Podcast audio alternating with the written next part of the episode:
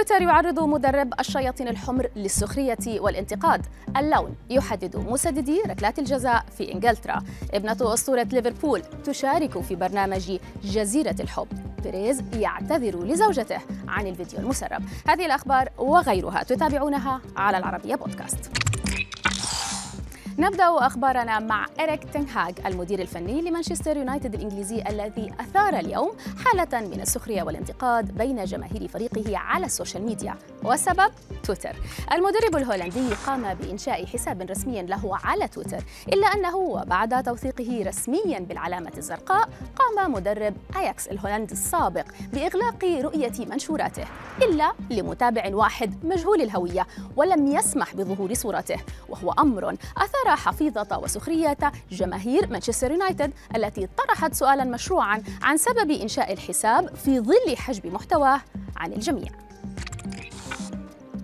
ننتقل إلى مدرب المنتخب الإنجليزي لكرة القدم جاريث ساوثجيت ومعياره الغريب لتحديد من سيسدد ركلات الجزاء خلال مونديال 2022 ساوثجيت قرر إبعاد اللاعبين أصحاب البشرة السمراء عن تسديد ركلات الترجيح خلال منافسات كأس العالم والسبب يعود بحسب صحيفة ذصن للحملات العنصرية الشرسة التي تعرض لها الثلاثي من أصحاب البشرة السمراء ساسا وسانشو وراشفورد إثر إهدارهم لثلاث ركلات ترجيحية في يورو 2020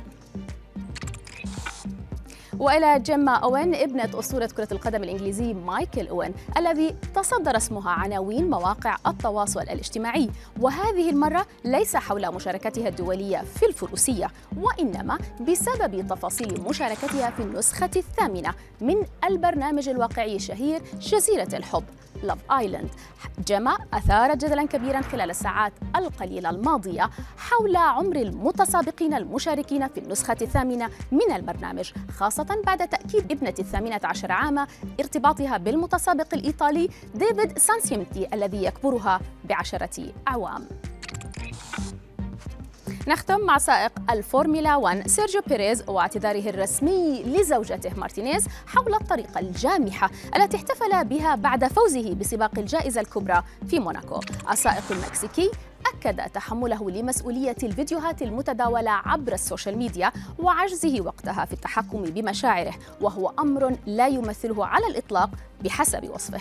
اعتذار بيريز يأتي عقب الجدل الذي أثاره عبر مواقع التواصل الاجتماعي بسبب طريقة احتفاله بالفوز ومحاولته لإغواء إحدى المضيفات وهو في حالة سكر شديد.